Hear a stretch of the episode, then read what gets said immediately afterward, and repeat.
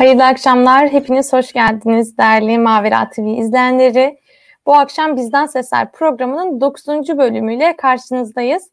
9. bölüm artık ikinci ayı bitirmişiz, üçüncü aya girmişiz. Bu da e, beni mutlu etti fark edince gerçekten. Her birisi böyle birbirinden kıymetli 9 tane konuğum olmuş oldu bugün de sayarak. E, bugün Ayşe Şahin Boy Doğan'la birlikteyiz. E, çok keyifli bir akşam olacağına eminim. Hoş geldiniz Ayşe Hocam, nasılsınız? Hoş bulduk. Elhamdülillah iyiyim. Elif sen nasılsın? İyi misin? Ben deyim çok sağ olun. E, her şey yolunda inşallah. Evet yolunda. Bir Kocaeli'ne gitmemiz gerekiyordu. Çekim vardı. Onu bitirip geldik. Yetiştik ama yayına. Süper şahane ve böyle hani e, yol yorgunu bir şekilde de olsa geldiğiniz için de ekstradan teşekkür ediyorum. Estağfurullah. E, şimdi bu akşamki konumuz sinemanın iyi tarafı. Evet. Ama bizim sadece sinema yazdığımıza bakmayın. E, sinemanın yanında tabii biz tiyatrodan da konuşacağız. Evet. E, ikisini harmanlayıp artık böyle farklı e, konuları da kayabiliriz. Güzel bir muhabbet olacak diye düşünüyorum. Bakıyorum izleyicilerimiz geldiler mi, herkes toplandı mı diye. Hemen bakalım. Yorumlarda yine ben söylemiş olayım. Yorumlarda sorularınızı yazabilirsiniz. Ben arada girip onları soracağım. Hani bundan da bir e, kuşkunuz olmasın. Evet sinema öğrencisi olarak heyecanla izliyorum sizi diye bir yorum gelmiş. Çok hoş. İnşallah evet, tamam o zaman güzel, başlayalım. faydalı olur. İnşallah. Ee, evet Ayşe Hocam öncelikle Ayşe Şahin Boydoğan kimdir? Ne işler yapar? Ee, sinemayla, tiyatroyla alakası nedir? bu konuyu bir öğrenmek istiyoruz. Buyurun. En zorlandığım soru bu. Kendimi anlatma kısmı. Ee, kısaca özet geçeyim aslında. Ee, 98 yılında, 1998 yılında e, 16 yaşında e, muhabirliğe başladım. Çok erken bir yaşta. Elhamdülillah benim için de güzel bir vesile oldu. E, 8 yıl aynı dergide çalıştım. İlk başta başladığım nokta aslında sanatla hiç alakası yok. Bilişim ve teknoloji muhabirliği yapıyordum. Ki 98 e, o yıllar Türkiye için daha teknolojinin yeni yeni geldiği, internet teknolojilerin bu kadar gelişkin olmadığı dönemler. O yüzden bize IBM, Microsoft gibi firmalar özel dersler veriyordu sahayı anlayabilmemiz için. Dört yıl devam ettim. Sonrasında çocukluğumdan beri e, benim hayalim olan alana kaydım, sinema alanına. Ve 2002'den itibaren de sinema üzerine eğitimler almaya başladım. E, sonrasında sinema alanında çalışmalar yaptım. Uzun sürdü eğitimlerimiz çünkü e, sürekli okumanız, izlemeniz ve kendinizi geliştirmeniz gereken bir alan. Anlamanız ve kavramanız uzun yıllar sürüyor. İşte ekolleri, yönetmenleri, ülke sinemalarını, kendi ülke sinemanızı dahi, Türkiye sinemasını dahi anlamak belli bir zaman gerektiriyor, uğraş gerektiriyor ama sevdiğiniz bir alanda çalışıyorsanız bu çok da zor olmuyor. 2008 ee, yılına kadar aktif bir şekilde basın hayatı ve e, sinema devam etti. Sonra 2008'de eşimle Osman Doğan'la birlikte e, onun bir hayali vardı. Tiyatro ekibi kurmak istiyordu. Kendisi oyunculuk yapıyordu. E, ve 2008'de biz Tiyatro Külliyen diye bir ekip kurduk. Sonrasında tiyatro üzerine bu sefer kendimi geliştirmeye ve eğitimler almaya başladım. Çünkü sahada bir şeyler yapmak için altyapınızın, altyapınızın da sağlam olması gerekiyor. 2008'den ee, bu yana Tiyatro Külliye'nin genel koordinatörlüğünü yapıyorum. E, tiyatro oyunları yazıyorum. Aynı zamanda işte senaryo eğitmenliği ve senaryo danışmanlığı veriyorum. 2014 yılında e, Kulis Tiyatro Dergisi'ni kurduk. E, Türkiye'deki e, çok e, yani diğer tiyatro, çıkan tiyatro dergilerine nazaran bizim çıkarttığımız e, örneğine az rastlanan türdendi. Özellikle tiyatro alanında bu kadar aktif e, bu kadar e, içeriği dolu bir yayın genelde e, tiyatro akademisyenlerine ve öğrencilerine hitap eden yayınlar vardı. Biz biraz daha kültür sanat okuyucusunun tiyatro ile alan bağını biraz daha kuvvetlendirmek istedik. Türkiye genelinde yayın yapıyor Kulis Tiyatro Dergisi. Bu pandemi sebebiyle biraz ara verdik. Tiyatrolar da maalesef ara verdi. Ee, onun dışında yani dediğim gibi teknolojiyle ilgileniyorum. E, çizgi roman okuruyum. Sıkı bir çizgi roman okuruyum. Edebiyatla ilgileniyorum. E, tiyatro bir yandan devam ediyor. Üç sahada aktif olarak görev iş yapıyorum. Üretmeye devam ediyorum. Basın alanında, tiyatro ve sinema alanında. Yapımcılığını yaptığım filmler de oldu. Şu an festivallerde gezen güzel filmlerimiz de var. Biraz yapımcılık, sinemada yapımcılık alanına kaydım aslında son yıllarda, son 3-4 yıldır. Çünkü bu alanda da ciddi bir eksikliğimiz, boşluğumuz olduğunu fark ettim. Ama eğitimler bitti mi derseniz hayır kendimizi geliştirmeye devam ediyoruz. En son 6 ay süren bir eğitim aldım. Zeynep Atakan'la birlikte, Nuri Bilge Ceylan'ın yapımcısıyla birlikte bir yapımcılık üzerine bir eğitim aldım. E, çünkü sahada iyi olmak için biraz tecrübeleri de dinlemek gerekiyor. Öyle bu şekilde devam ediyor. İki tane evladımız var. Bunun yanında onlar, onlar da bu e, kültür sanat aşkımızın içinde büyüyorlar. Evet çok güzel. Teşekkür ediyorum cevabınız için. Zaten aslında burada e, hem kulis tiyatroya hem de tiyatro külliyeine de bir giriş yapmış olduk. E, evet. kulis Tiyatro dergisiyle ilgili e, benim minik bir anım var. dergi dergi fuarında ve kaç sene önce yani 2000 2017 olabilir. Yani yalan olmasın ama 2017 olması lazım. Veya belki de bir önceki sene. Ben evet. o zaman 2017'de ben daha lise sondaydım. Üniversite başladı. 2016'da da işte lise yine lisedeyken biz dergi fuarına gelip gidiyorduk. Orada ben ilk defa e, kulis tiyatroyu görmüştüm. Ee, böyle standdaki kişiler de çok e, kim vardı hiç hatırlamıyorum Allah için ama böyle çok ilgimi çekmişlerdi yani böyle giyimleri falan bayağı hani tarz gelmişti. Öyle şey, ben sirkeci, tamamen... sirkeci garındaki mi? Evet evet sirkeci sirkeci garındaki. Ben tamamen öyle hani hasbelkader gittim. Sonra Kulis Tiyatro dergisinden e, işte satın aldım. Bana bir tane de hediye ettiler falan. Hala evde de duruyordu bir yerde bulamadım ama şu anda e, ben koleksiyon yapıyorum dergilerimi. E, çok hoşuma gitmişti. E, çünkü o derginin ben hepsini okumuştum eve geldikten sonra. E, yani e, edebiyat vesaire yani bu alanlarla ilgili zaten çok dergi var ama yani tiyatro konusunda bu kadar kapsamlı içinde röportajlar vardı, değişik oyunlar, yazılar, biyografiler evet. falan çok hoşuma gitmişti. Bunu hemen aktarmak istiyorum. Ay teşekkür ederim. Bu arada Sirkeci Garı'ndaki dergi fuarı ile ilgili deyince e, yakın zamanda kaybettiğimiz önemli bir isimden bahsedelim. Rahmetle evet. analım Asım Gültekin'i. Ee, Allah, Allah rahmet eylesin. Ailesine tekrar sabırlar diliyoruz buradan. Sirkeci Garı dergi fuarı deyince direkt aklıma Asım abi geliyor. Anmadan geçemeyeceğim. Evet Allah razı olsun. Güzel oldu. Onu da bu gece de yine burada anmış olmamız. Ee, evet bu noktada e, tiyatro külliyen e, tiyatro külliyenden e, biraz daha bahsetmenizi rica edeceğim. Çünkü e, tiyatro külliyen e, benim gördüğüm kadarıyla en azından hani e, tiyatro e, sektörünün içinde değilim ama bir tiyatro izleyicisiyim e, ve küçüklükten beri yani 5 yaşından beri tiyatroya gidiyorum. E, o yüzden güzel. hani bu e, tiyatro külliyenin çok istisnai e, bir örnek olduğunu, özel bir örnek olduğunu düşünüyorum. Yaptığı oyunlar açısından işte e, ekip e, açısından hani takip de etmeye çalışıyorum. E, yani bunlar nasıl farkları var? Siz neyi hedeflediniz? Neden hani e, bir ekibe dahil olmak yerine mesela kendi ekibinizi özellikle kurmak istediniz? Bunları sormuş olayım. Ee, kendi ekibimizi kurmamızın sebebi e, bizim e, öngörümüzde ya da bizim düşüncemizde çok fazla ekibin olmamasıydı. E, o yüzden harekete geçtik.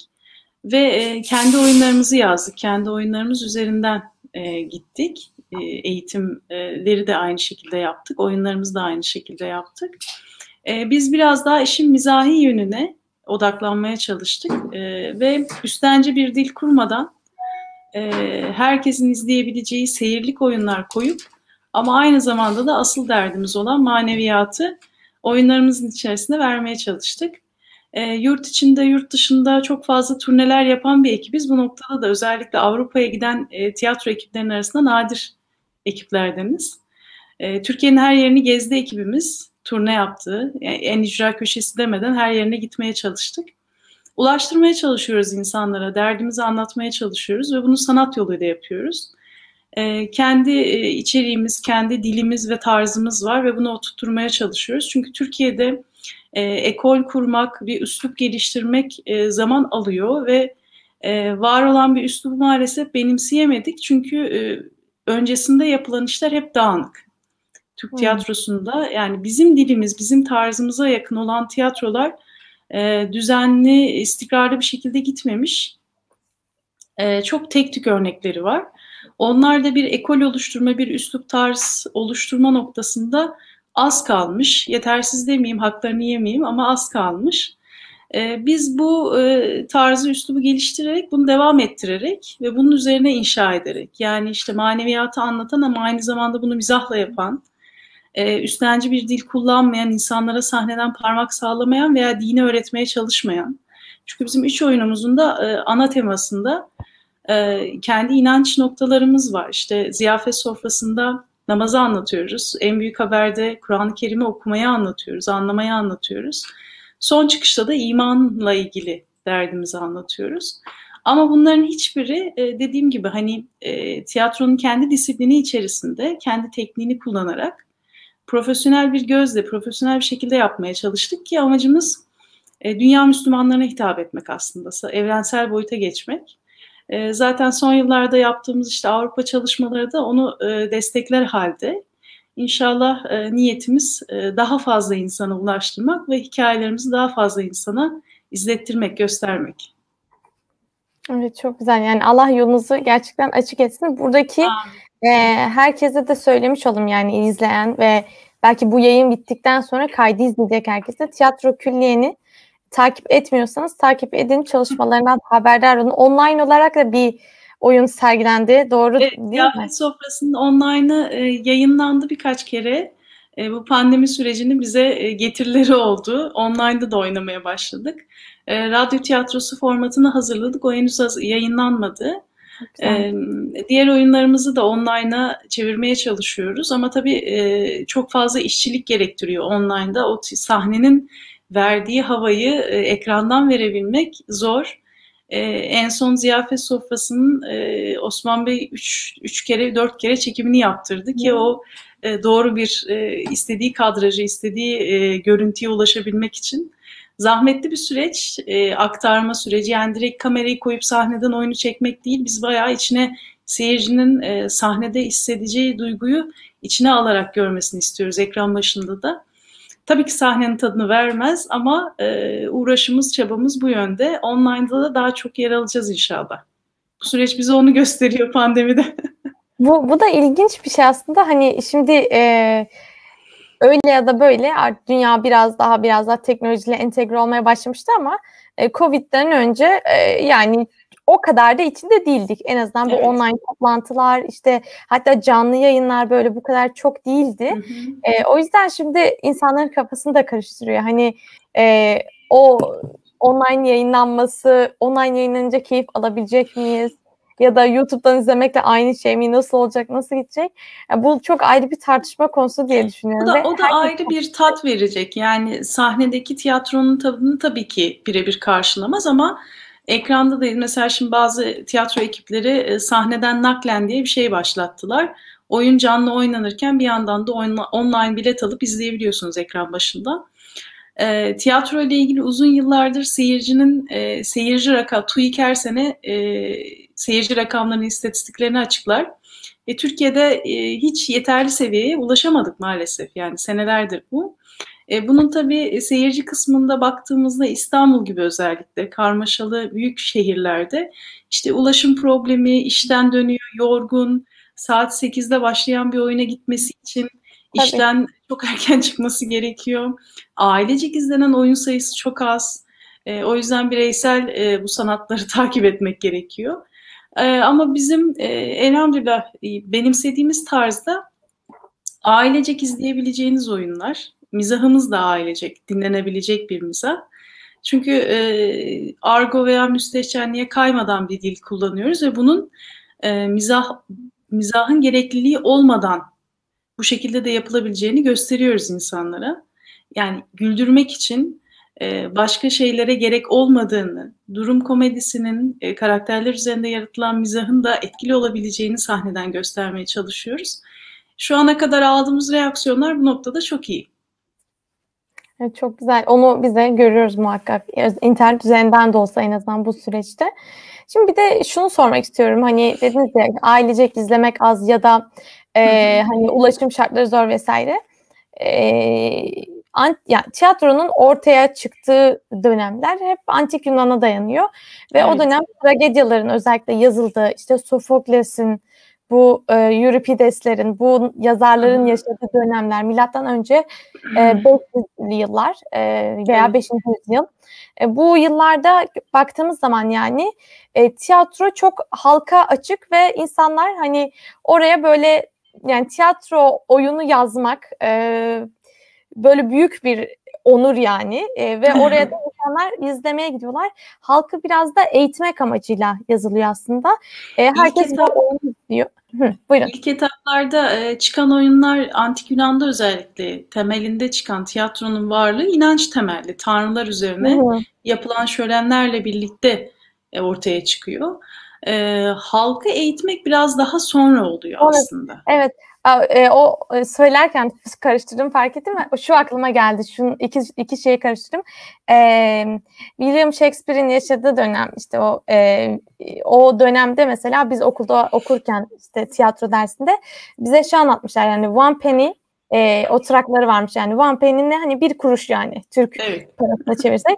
Hani e, normal oturmak istiyorsan biraz daha yüksek bir ücret ödüyorsun ama bu da yine çok yüksek bir ücret değil hani kar, yani Türkiye'deki en azından tiyatrolar gibi yüksek ücret değil.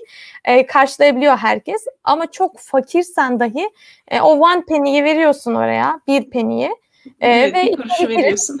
ayakta otur, ayakta duruyorsun. Oturak yok ama sahnenin önünde o boşlukta koltuklar sahne arasında ayakta izleyebiliyorsun. Yani hani burada şunu görüyoruz aslında tiyatro gerçekten tüm halka hitap ediyor. Yani evet. e, hiç parası olmayan sadece bir kuruşu olan insanlar dahi e, tiyatroya gidiyorlar ve bunu e, izliyorlar. Hani böyle bir talep var.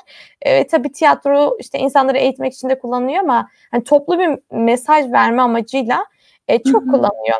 Sonrasında tabii işte değişik e, akımlarla vesaire şunlar bunlar biraz daha e, kapalı bir dil kullanmaya başlanıyor günümüze e, daha yakın yüzyıllarda. E, ve Türkiye'deki örneğine de baktığımız zaman mesela tiyatro sanki hep şöyle algılanıyor. Böyle biraz daha e, kimsenin anlamayacağı böyle üst hani elit bir gruba hitap eden evet. e, hani tiyatroya e, gitmeyen çok kişi var. Hayatında hiç tiyatroya gitmeyen evet. çok kişi var. E, bu yüzden de belki Türkiye'de biz çok farkında değiliz ama e, tiyatro da bir yani kitlesel bir mesaj aracı ve tiyatroyla da çok fazla mesaj verilebiliyor.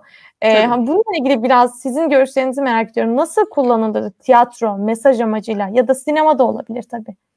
Yani e, sinema kadar kuvvetli bir sanat tiyatro. Zaten hani hep böyle bir tartışması var bu iki kardeş arasında işte e, sinema doğduğu zaman e, 1800'lü yılların sonuna doğru sinema çıktığı zaman e, 1920'lere kadar sinema biraz daha araştırma geliştirme döneminde. Tam böyle işte tam o uzun metraj filmleri gördüğümüz dönemler değil.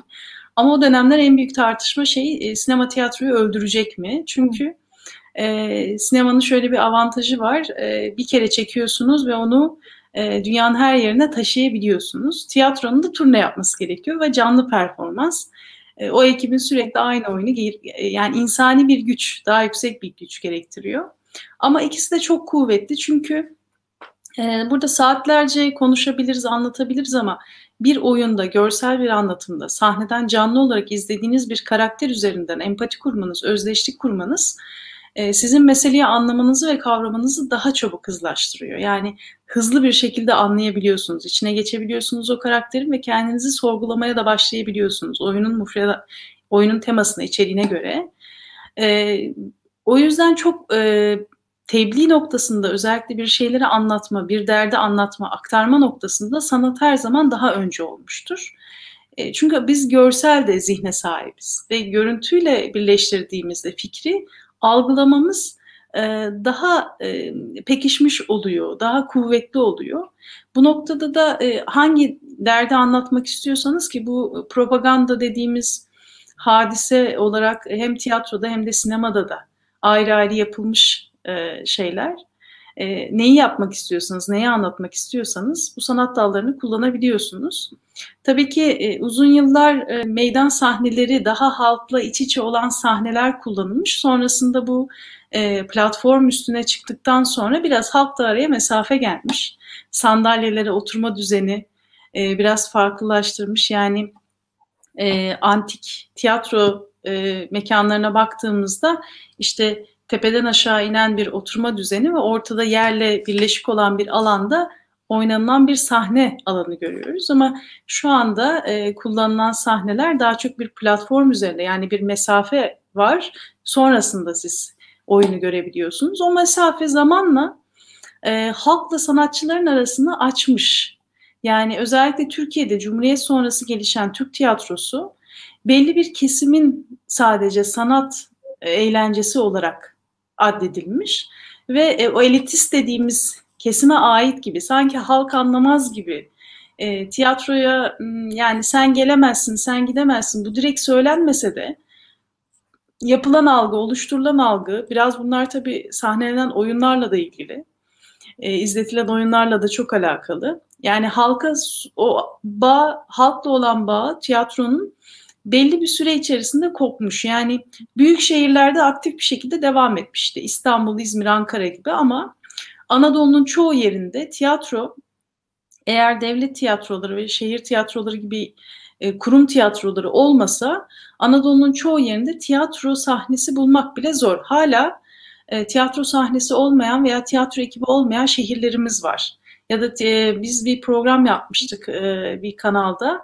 E, lise öğrencileriyle, İmam Hatipli lise öğrencileriyle bir yarışma programıydı ve e, Batman'dan gelen bir ekip vardı. E, hocam dediler biz Batman'da, ben de jüri üyesiydim o programda. E, hocam dediler biz Batman'da tiyatro eğitimi alabileceğimiz hiçbir yer bulamadık dediler. dedim ben İstanbul'dayım keşke dedim Batman'a gelebilsek. E, ama işte bu e, halkla açılan mesafe, işte belli bir kesimin sanatı gibi konumlandırılması, tiyatro sanatının da bizde özellikle Türkiye'de gelişimini ve yayılımını da durdurmuş. Yani bir şeyler gelişmiş, söylemler gelişmiş ama halkın geneline hitap etmiyor. O zaman da işte anlatmak istediğiniz neyi anlatmak istiyorsanız. Yani burada bir ahlaki anlamda, toplumsal anlamda bir problemi, bir sorunu masaya yatırıp bunu sahneleyip oynatmak istiyorsunuz ve insanlara buradan kendi paylarını düşenleri almalarını istiyorsunuz ama genele yaymadığınız zaman sahneden ne verirseniz verin o e, bulanık sanat diyorum ben ona. Biraz o bağımsız sanatçılar kızabilir. Biz çünkü fotoğraf dersinde fotoğrafçılık eğitimi de aldım ben bir dönem. Fotoğraf dersinde hoca espri yapardı işte şey derdi e, bulanık çekerseniz sanat olur derdi.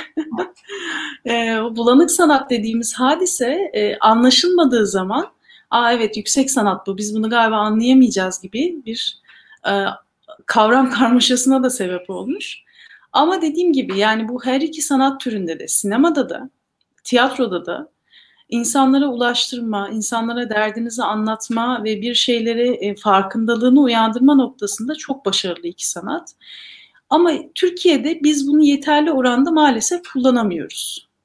Yani endüstri olmamamızdan, sistematik bir şekilde e, kuruluşlarımızın tam temelli olmayışından, STK'larımızın azlığından, sivil toplum kuruluşları ve derneklerin azlığından, birlik ve beraberliğin sanatçılar arasında çok fazla sağlanamamasından sebep dağınık bir sanat dünyamız var. E, bu da bize e, olumsuz yönde aksediyor aslında. Evet.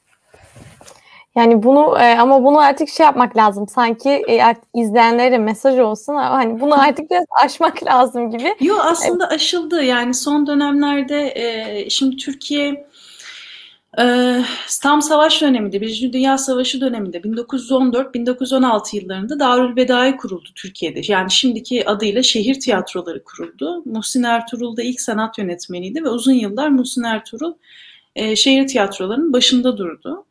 E, şehir tiyatrolarının kuruluşu İstanbul'daki bir Fransız tiyatrocu tarafından yapıldı. Ankara'daki de bir Alman tiyatrocu tarafından yapıldı temelimiz Batı üzerine kurulduğu için biz genelde uyarlamalar ve adapte oyunlar üzerinden gittik ve e, uzun yıllar e, kendi hikayelerimizi sahnede çok nadir gördük, nadir izleyebildik. Ha tabii hakkını da yemeyelim. Muhsin Ertuğrul, Necip Fazıl da tiyatroya kazandıran isimlerden bir tanesi. Necip Fazıl'a tiyatro oyunu yazdırmasını rica eden ve onun oyunlarını sahneleyen de birisi ama baktığımızda yerli eserler çıkma noktasında hala bu bir tartışma konusudur. Neden eserlerimiz az? Yani işte William Shakespeare'den bahsettin. Ee, Shakespeare'in National Theatre Londra'daki devam ekolü, e, Shakespeare Akademi, Londra'daki, İngiltere'deki hala ilk kurulduğu formatta devam ediyor ve kendi e, kurallarına, kaidelerine uyarak ama e, toplumsal anlamda da kendi yargıları ve toplumsal e, anlayışları üzerinden bir oyun sergiliyor. Yani alıp da bir Fransız ekolünü benimseyip orada e, tiyatro yapmıyor. İngiliz ekolünü benimseyip tiyatro yapıyor.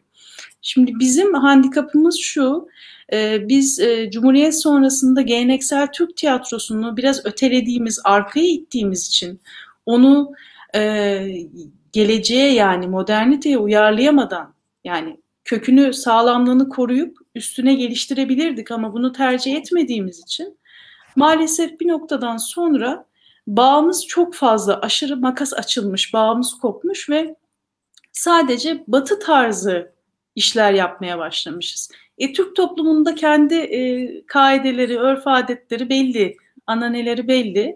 E, benimsememişiz zamanla. Yani bunlar bize çok da bize anlatmıyor. Hatta Muhsin Ertuğrul'un e, 20'li yıllar sonrası ve 30'lu yılların işte 30'lu yıllar 20'li yıllar o yıllar aralığında yaptığı oyunları bizim yazarlarımızın köşe yazılarında ciddi eleştiriler var. Yani hangi topluma hitap ediyorsun bunlar bizde yok dediği oyunlar var.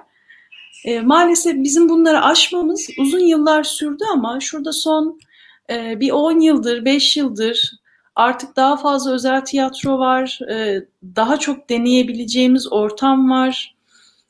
Kendimizi keşfediyoruz aslında, kimliğimizi keşfediyoruz. Çünkü hangi sanatla uğraşırsanız uğraşın, yaşadığınız toprakları bilmiyorsanız, tanımıyorsanız, yaşadığınız toprağın insanını bilmiyorsanız, e, yükselmeniz veya çoğalmanız, evrensel bir boyuta geçmeniz pek mümkün olmuyor.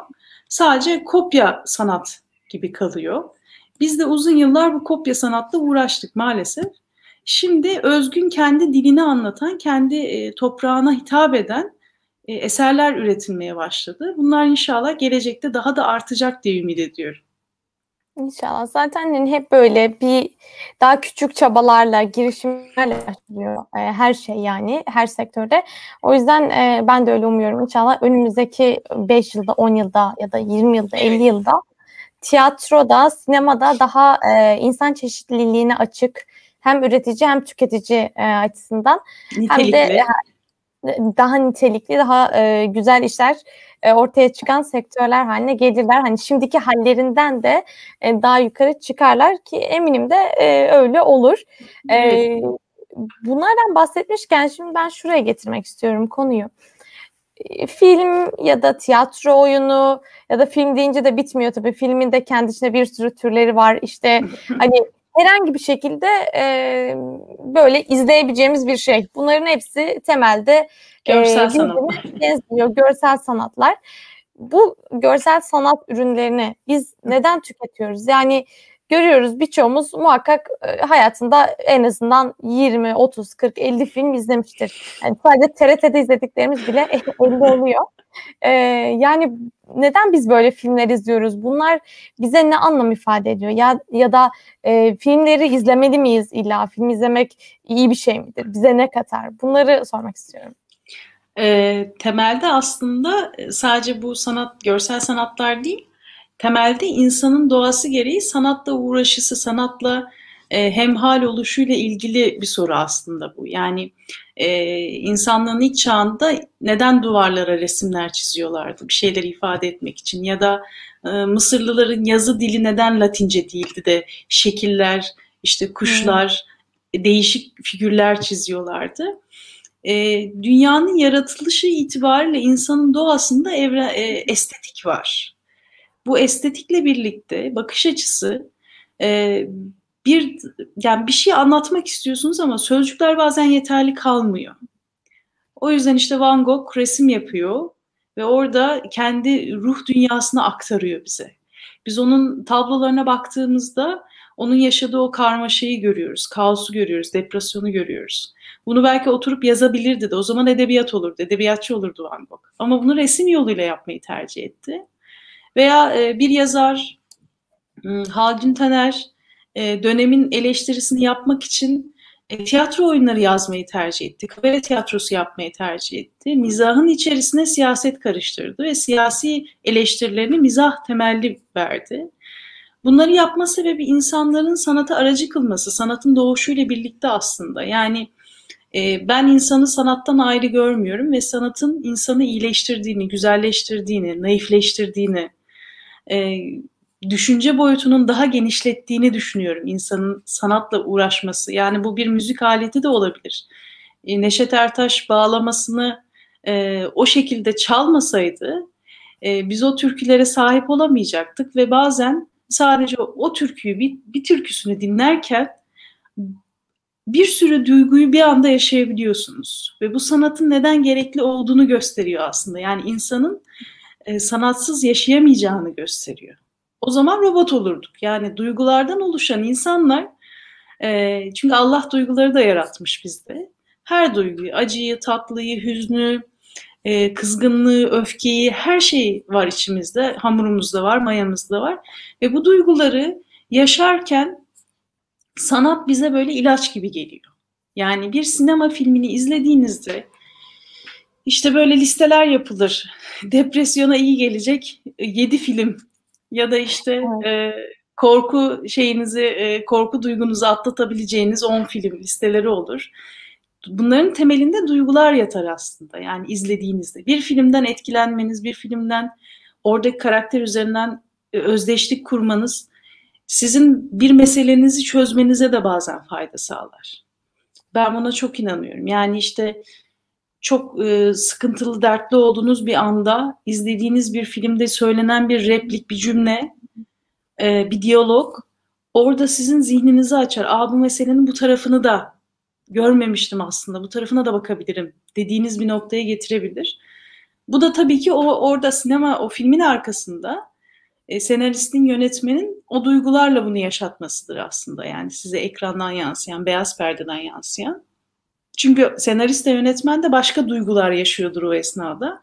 Başka kavgaları vardır. Bunların hepsi insanın varoluşuyla, varoluş hani çok söylenir ya varoluşsal sancıları e, bu sancılarla alakalıdır aslında sanatı bizim kullanma yöntemimiz ve sanatı e, bir noktada işte nasıl e, papatya ve e, melisa çayı insanı sakinleştirir, dinginleştirir, daha rahat uyku sağlarsa sanat da e, bazen e, öfkemizi arttırabilir, meselelere bakış açımızı yükseltebilir.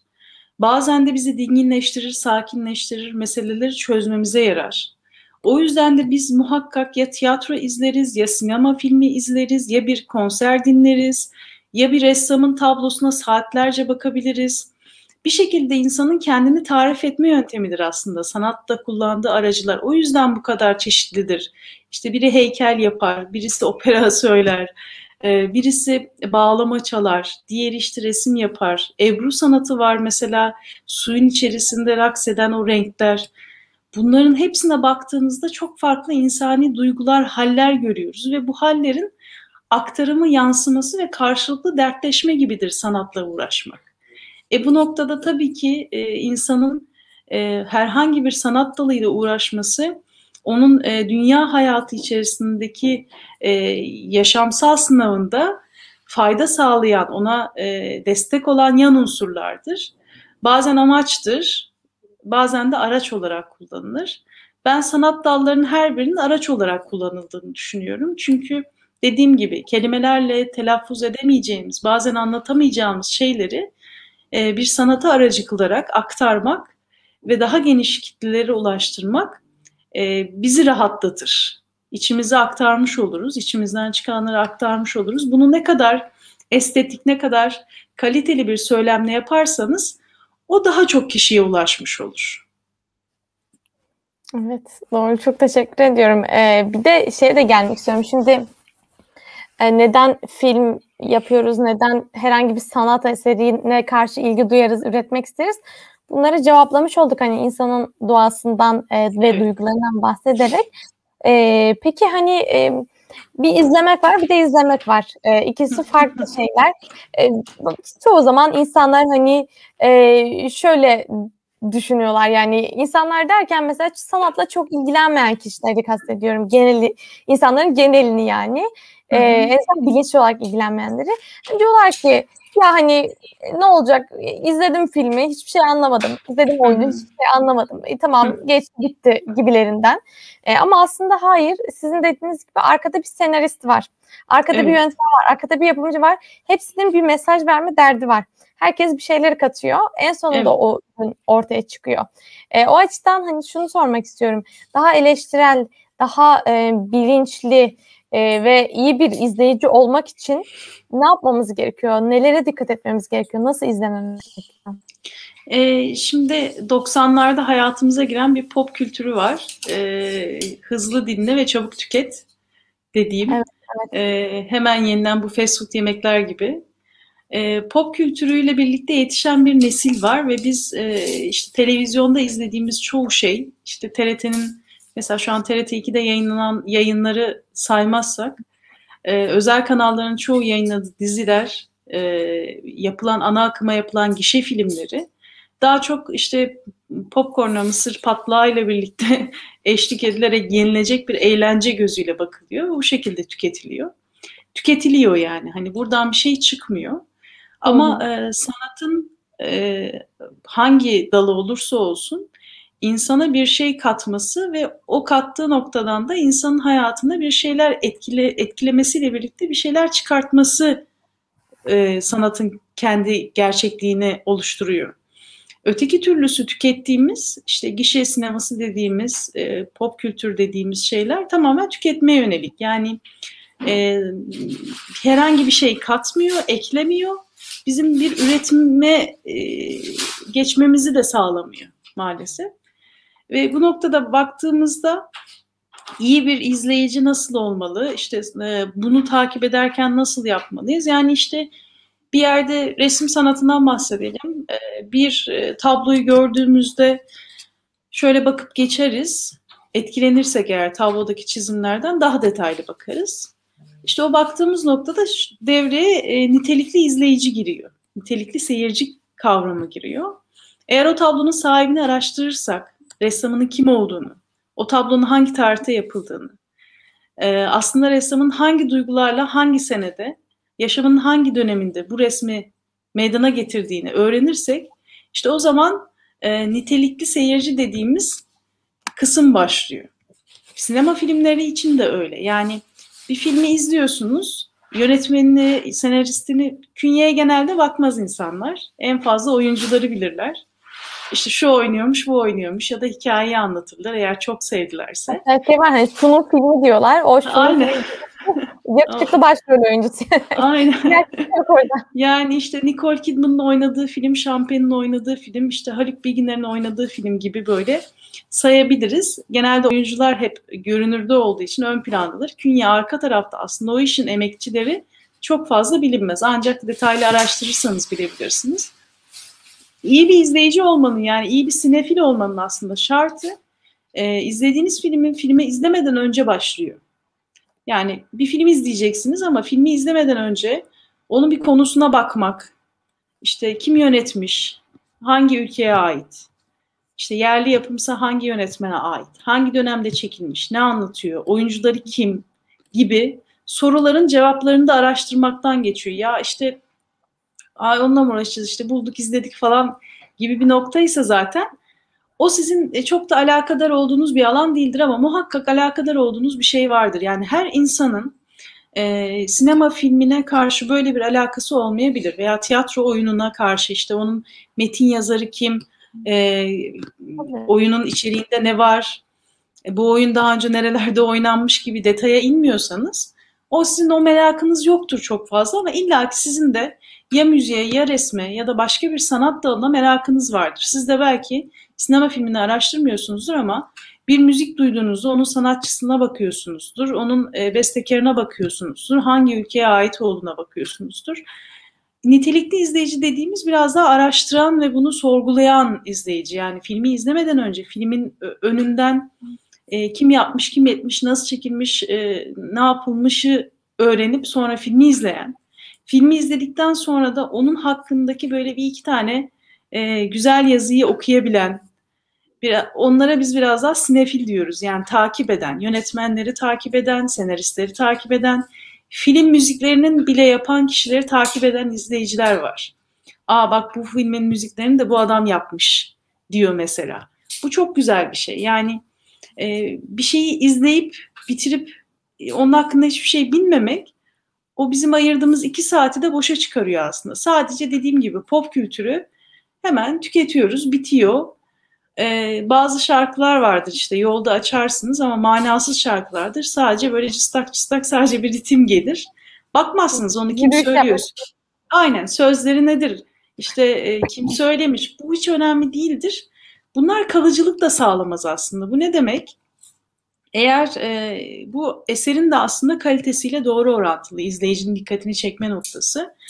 Eğer e, izleyicinin dikkatini bir noktadan çekemediyseniz e, ve e, çabuk tüketilebilir bir şeyseniz işte bir 10 yıl sonra 20 yıl sonra bundan bahsetmezsiniz. Yani neden hala Shakespeare'in eserlerinden bahsediyoruz ya da işte e, Tarantino'nun filmlerinden bahsediyoruz. İşte e, Tarkovski'den bahsediyoruz mesela. E, bunların yönetmenlikleri dönemi itibariyle çok başarılı, güzel teknikler kullanmışlar. Belli yerlerde çığır açmışlar ve sonrasında devamında da o insanlar bilim izlemeye başladıkları noktada tekrar oraya dönmüşler geri.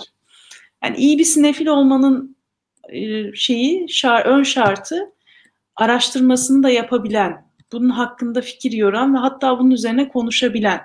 Çünkü bu biriktirmedir de yani sanat eserlerini biz biriktirdiğimizde kendi havuzumuza, kendi heybemize sonrasında bu bizim e, kültürümüzü de arttırıyor. Yani siz bir e, İngiliz sineması veya Fransız sineması ya da bir Alman sineması izlediğinizde e, o film hakkında işte yönetmeni, senaristi ve e, filmi izledikten sonraki gördüğünüz görüntüler üzerinden o ülkenin toplumuna, diline, yaşantısına dair de bilgi sahibi oluyorsunuz. Kendini geliştirmek isteyen, yani toplumlar hakkında, dünya hakkında, diğer insanların yaşadıkları e, duyguların yansımaları hakkında biraz daha araştırma gerektiriyor. Ben ben burada bir şey eklemek istiyorum. Hani bu dediğiniz şey bence çok önemli. Çünkü e, sinema, edebiyat, tiyatro, e, müzik her şey aslında insanın ürettiği e, ürünlerden oluştuğu için insana evet. dair ve toplumlara dair bilgi edinmek için bir anlayış ve bir görgü de edinmek için gerçekten doğru bir şey e, sanat eserlerine başvurmak. E, yine benim aklım e, bir önceki de, sorumda da bundan bahsettim de mesela insanlar işte Samuel Beckett'in eserlerinden çok Hı-hı. meşhur olan Godot'u beklerken hani daha doğrusu absürt tiyatroda en meşhur olan herkesin bildiği evet. o eser. Klasik lisedeki Godot derslerimizde de anlatıyorlar. Şimdi diyorlar ki bu eserde hiçbir şey anlamadım. İşte neden böyle anlamsız?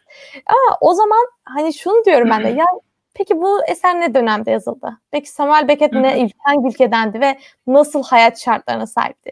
E, baktığın zaman mesela İkinci Dünya Savaşı bitmiş. İnsanlar artık böyle e, zaten Birinci Dünya Savaşı'ndan sadece 20-30 yıl sonra olmuş bu savaş. Artık insanlar iyice e, Holocaust geçmiş, her şey olmuş. E, bitik durumdalar. Artık hayatın bir anlamı olmadığını düşünüyorlar. E, bu yüzden de bunları e, gösteriyorlar. Evet şu an biz 21. yüzyıldaki kafayla okuduğumuz zaman bize ya hani e, çok saçma neden böyle gibi geliyor ama evet hani bu saçmalık da aslında insanların o dönemde kafalarında anlama dair, e, hayata dair neler döndüğünü bize gösteriyor. Hani yani depresif bir gibi. oyundur aslında. O da yine duygulara geliyor, insanın ruh haline geliyor. Evet. Ee, Samuel Beckett'in o oyununa izlediğinizde eğer biraz felsefeyle uğraşıyorsanız, biraz toplum bilimine dair merakınız varsa, insanların ruh haline dair merakınız varsa ilginizi çekiyor o bekleme ve bir türlü gelemeyen, o e, bir türlü gidemeyen iki adamın o hikayesi. Bir yere de gidemiyorlar, kimse de gelmiyor ve bir hikaye dönüyor ortada ve bu hikayenin e, nasıl bir ruh haliyle yazıldığını aslında belki ilk izlemede e, eğer dediğim gibi bir araştırma yapmadan oyunu izlemeye giderseniz evet. e, oyun size bir şey söylemez. Ama öncesinde Samuel Beckett'i oyunu, oyundaki ruh halini ve hikayeyi biraz okuyup giderseniz o zaman çok e, tadında bir iz, izlence oluyor. E, çünkü anlıyorsunuz, kavruyorsunuz o zaman. Ha bu, bu adamlar şimdi bu ruh halini yaşıyorlar ve burada bir sorgulama var aslında. E, işte o oraya gelmeden yani seyircinin e, öncesi çok önemli. Yani esere ulaşmadan öncesi. Evet. Eseri izledikten sonra değil, eseri izlemedikten önce aslında bir araştırma yapmak gerekiyor. Tabii ki şöyle bir şey var. Modern dünya içerisinde e, her şey çok hızlı. Yani bir tıkla her şeyi halledebilir noktaya geliyoruz ve bu daha da ilerleyecek. E, anlamak ve düşünmek de bir zaman gerektiriyor. Yani düşünmek bile özel bir lüks olarak artık geçiyor. Çünkü düş, düşünmeden hareket eden robotik bir e, yapıya dönüşmeye başladık. E, yapılara dönüşmeye başladık. İnsan olarak bunu yapmamamız gerekiyor. Çünkü insanın kendi e, varlığı düşünme üzerine, araştırma üzerine gelişen varlık. Öteki türlü e, sistemin içerisinde fabrikalarda çalışan e, aynı benzeri aynı olan sıradan bir sürünün içerisinde varlık gösteriyor musunuz gibi ve bu varlıktan da kimsenin haberi olmayacakmış gibi. E, çünkü bir e, topluluğun içerisinde seçilebilmeniz için sizin düşünüyor, araştırıyor, farklı düşünüyor, farklı düşüncelere kapı açıyor ve bunun üzerine birkaç kelam edebilecek konumda olmanız lazım. Eğer farkındalık istiyorsanız, farklı bir birey olmak istiyorsanız e, bu araştırma ve düşünce kısmından vazgeçmemek gerekiyor. Fahrenheit 451 e, kitabını okudun mu? Evet. Orada e, sistemin kitapları nasıl yaktığını ve yok ettiğini anlatır. e, ve insanların düşünmeden yaşamasını yani işte bir televizyon kültüründen bahseder. E, ve e, o televizyon kültürüyle birlikte insanların nasıl düşünmeden yaşadığını robotik bir şekilde sistemin adamı olduğunu gösterir, anlatır.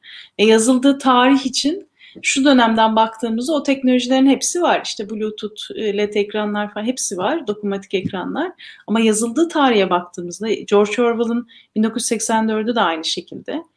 Ee, yazıldığı tarihe baktığımızda ciddi bir fütüristik eserler. Yani geleceği görmüş, gelecekte neler olabileceğini tahmin etmiş eserler. Ama orada toplum anlamında gelinen noktada bir eleştiri de var. Yani düşünmeden hareket eden bir toplum isteyen sistem var. Bu gerçek.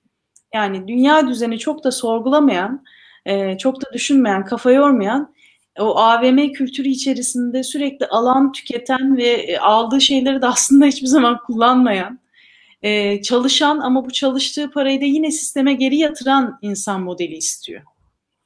Yani kapitalist düzen bunu istiyor bizden. Ama Tabii. biz kapitalist düzenin içerisinde olmak istemediğimiz için sanatla uğraşıyoruz. Düşünmek istiyoruz, araştırmak istiyoruz. İşte bu noktada da e, devreye kendini kurtarabilenler ortaya çıkıyor. O kurtarmanın ilk şartı da dediğim gibi esere ulaşmadan önceki araştırmamız, önceki okumalarımız. Bu sizi geliştirir. Bu hiç yormaz.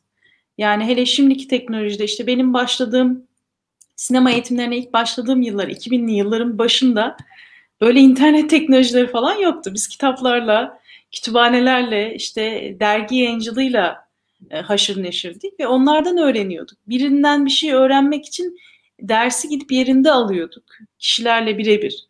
Veya işte söyleşilere, sempozyumlara katılıyorduk. Daha fazla bilgi edinebilmek, farklı açılardan konuları değerlendirebilmek için.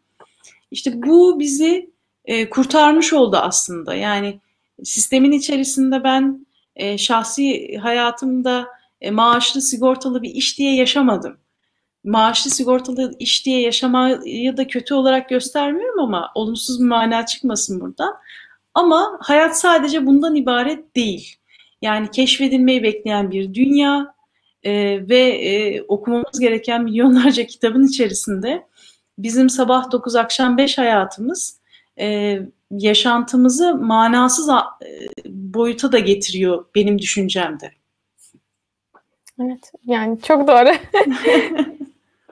evet, ve, ve bizim gibi yani en benim gibi böyle daha e, yaş olarak e, daha genç insanlar, daha e, Z nesline belki doğum tarihi olarak yakın kişiler yani biz hatta daha bile çok bunu yaşıyoruz. Çünkü e, hiç yani o eski dönemi hiç görüp bilmediğimiz için o dönemde biz çocuk olduğumuz için hı hı. tüm gerçeklik böyle hep dijital bir şey olarak görülüyor veya evet. o dünyası olarak görülüyor. Bu yüzden hani bence bu e, tecrübeleri dinlemek de çok kıymetli. Hani e, bizim de bu okumak, araştırmak, bir şeylerin üzerinde derin derin düşünmek e, davranışını devam ettirmemiz için diye düşünüyorum. Bizi kurtaracak ee, olan şey aslında bu. Yani bu davranıştan vazgeçmememiz bizi kurtaracak, her şeyden kurtaracak. Yani hiçbir şeyin kölesi ve bağımlısı olmayacağız. Ee, kendi yaşamımızın farkına varacağız. Farkında vararak yaşamak için de düşünmemiz ve e, araştırmamız gerekiyor. Evet. Ben son olarak bir şey okumak istiyorum. Bir alıntı okumak istiyorum. E, sonrasında o alıntı üzerine bir iki kelam edip bitirebiliriz diye düşünüyorum. E, bu akşamki programımızı. E, Yusuf Atılgan'ın Aile Kadam kitabından bir alıntı Hı-hı. okuyacağım. Çok klasiktir zaten her yerde okunur evet, ama evet. ben de eksik eksik kalmak istemedim. Hani bu yayında bu söylensin diye. Evet. E, okuyorum şimdi kitaptan alıntıyı. Çağımızda geçmiş yüzyılların bilmediği kısa ömürlü bir yaratık yaşıyor. Sinemadan çıkmış insan. Gördüğü film ona bir şeyler yapmış. Salt çıkarını düşünen kişi değil. İnsanlarla barışık. Onun büyük işler yapacağı umulur. Ama 5-10 dakikada ölüyor. Sokak sinemadan çıkmayanlarla dolu.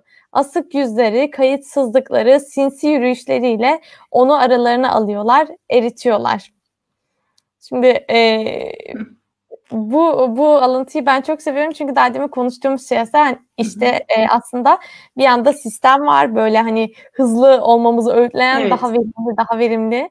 E, bir yandan da e, sinemadan çıkmış insan var ama sinemadan çıkmış insan 5-10 dakikada ölüyor. E, söyle Yusuf Atılgan bilmiyorum ne düşünüyorsunuz? Bence özetleyen bir söz oluyor bunları. E, hayal kurmak e, insanın vazgeçmemesi gereken yetilerinden bir tanesi e, ve sinema gibi e, bütün sanatlar bizim hayallerimizi kurmamıza eşlikçi. E, çünkü izlediğiniz bir atmosfer var. İşte o yıllarda yaşamamışsınız ama 1920'ler, 1800 yıllara dair bir film izliyorsunuz ve o dünyaya gidiyorsunuz. O dünyanın içerisine giriyorsunuz. O karakterle birlikte o sokaklarda yürüyorsunuz. E, baktığınızda bu insanı çok zenginleştiren bir şey. Bu zenginlikten mahrum kalarak mekanikleşmek bilmiyorum ürkünç geliyor bana. Yani korkunç bir sadece mekanik olmak ve bu hayatı mekanik bir şekilde yaşamak böyle e, sürekli ağzında metal tadıyla gezmek gibi bir şey yani. O da hoş bir tat değil. e, mekaniş, mekanikleşmemek lazım. Yani Yusuf Atılgan'ın Aylak Adam kitabı çok güzeldir. E, zaten e, hikayecilik noktasında e, birçok isim var. Türkiye'de çok önemli kalemler var.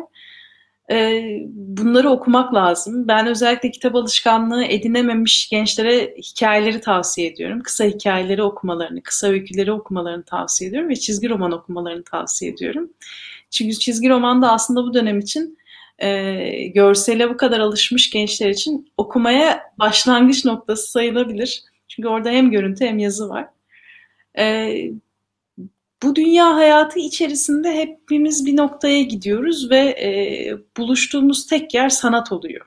Farklı düşünceler, farklı fikirler, e, farklı yargıların hepsi bir noktada sahnede veya beyaz perdenin önünde birleşiyor.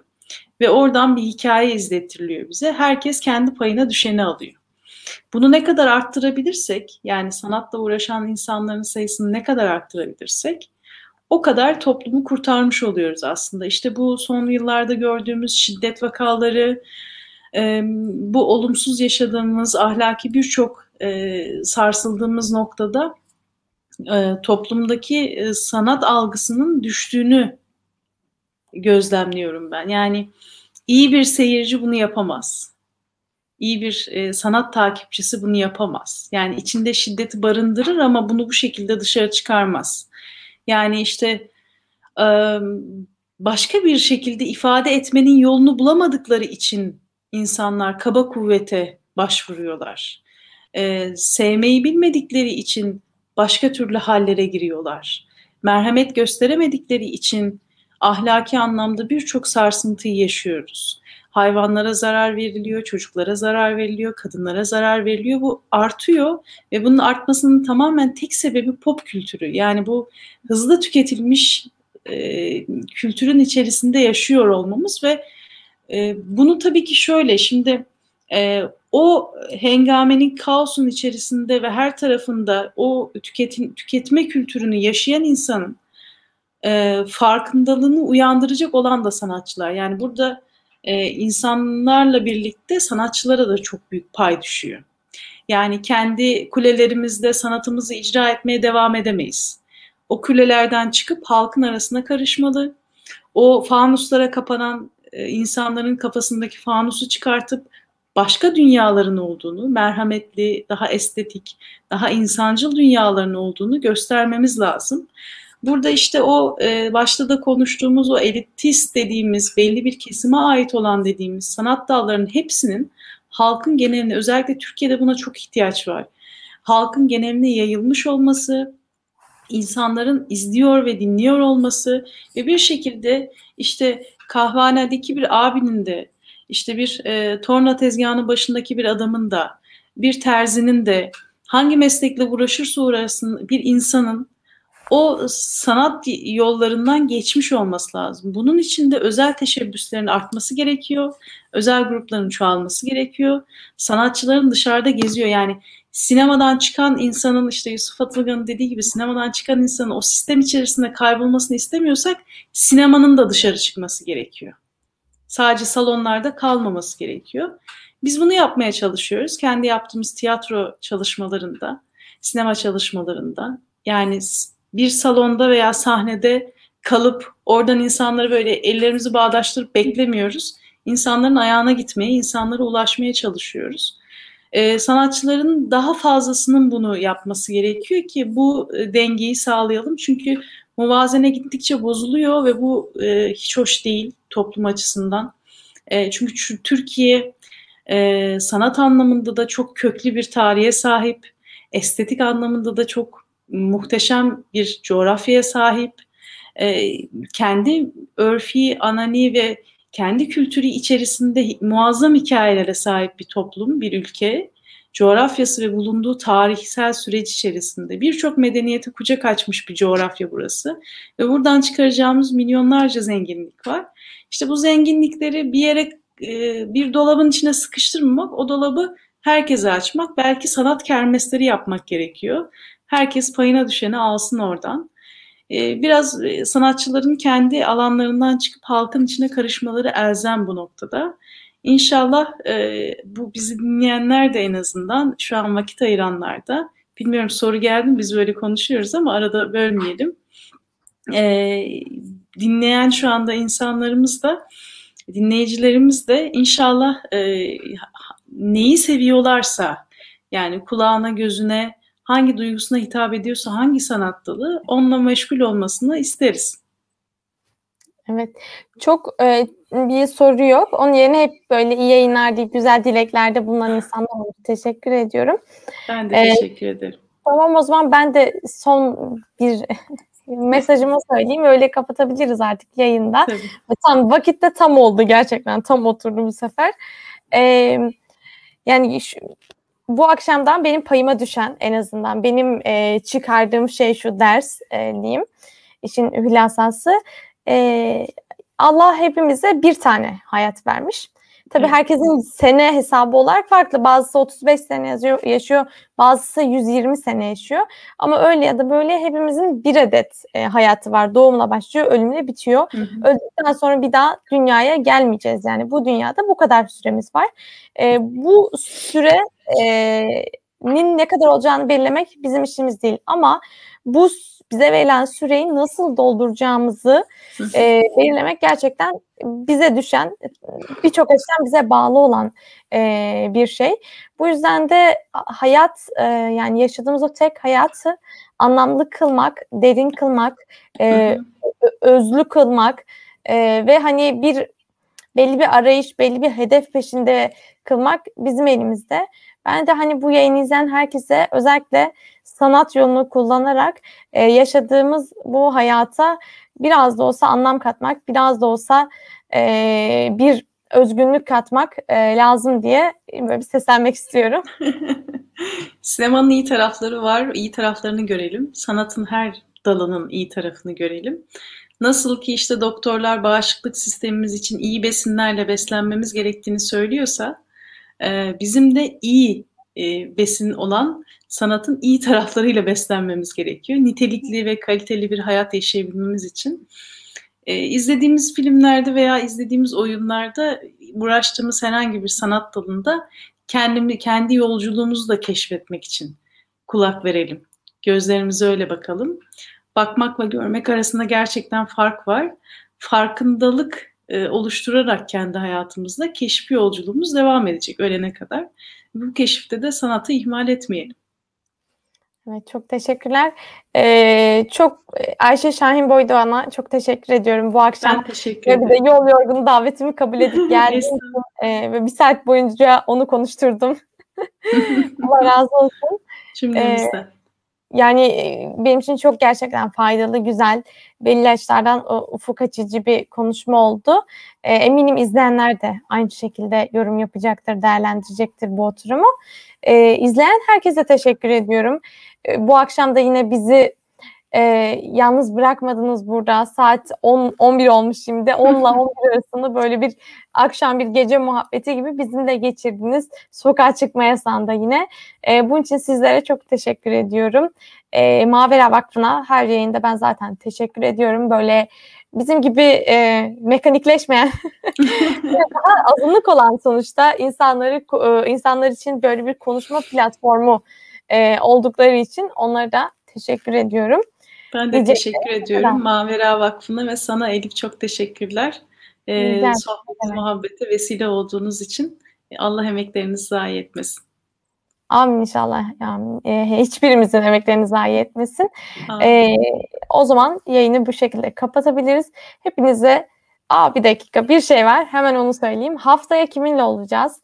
E, haftaya Selva Özkal'la birlikte olacağız. Kendisi Yıldız Teknik Üniversitesi'nde medya ve iletişim tasarımı bölümünde master yapıyor. Farklı farklı e, tasarıma dair, görsele dair projelerde yer alıyor. Onunla da aslında biz biraz böyle e, tasarımın aslında nasıl sosyal hayatla, insanlarla e, ya tasarımı ve iletişimin ve iyilik amacıyla kullanılabileceğini konuşacağız. Yine görsel sanatlardan ilerliyoruz yani. E, bu aralar böyle trendimiz bu. E, o yayına da yine gelirseniz çok mutlu oluruz. Haftaya cumartesi günü e, 13 Şubat'ta saat 10'da akşam e, saat 22.00'da Mavera Vakfı'nın YouTube kanalında olacağız. Bu duyuruyu da yapmış oldum. Afişi de paylaşırız inşallah ilerleyen günlerde. O halde e, hepinize hayırlı akşamlar diliyorum. Sağlıklı kalın, esen kalın inşallah. Görüşmek üzere. Hayırlı akşamlar.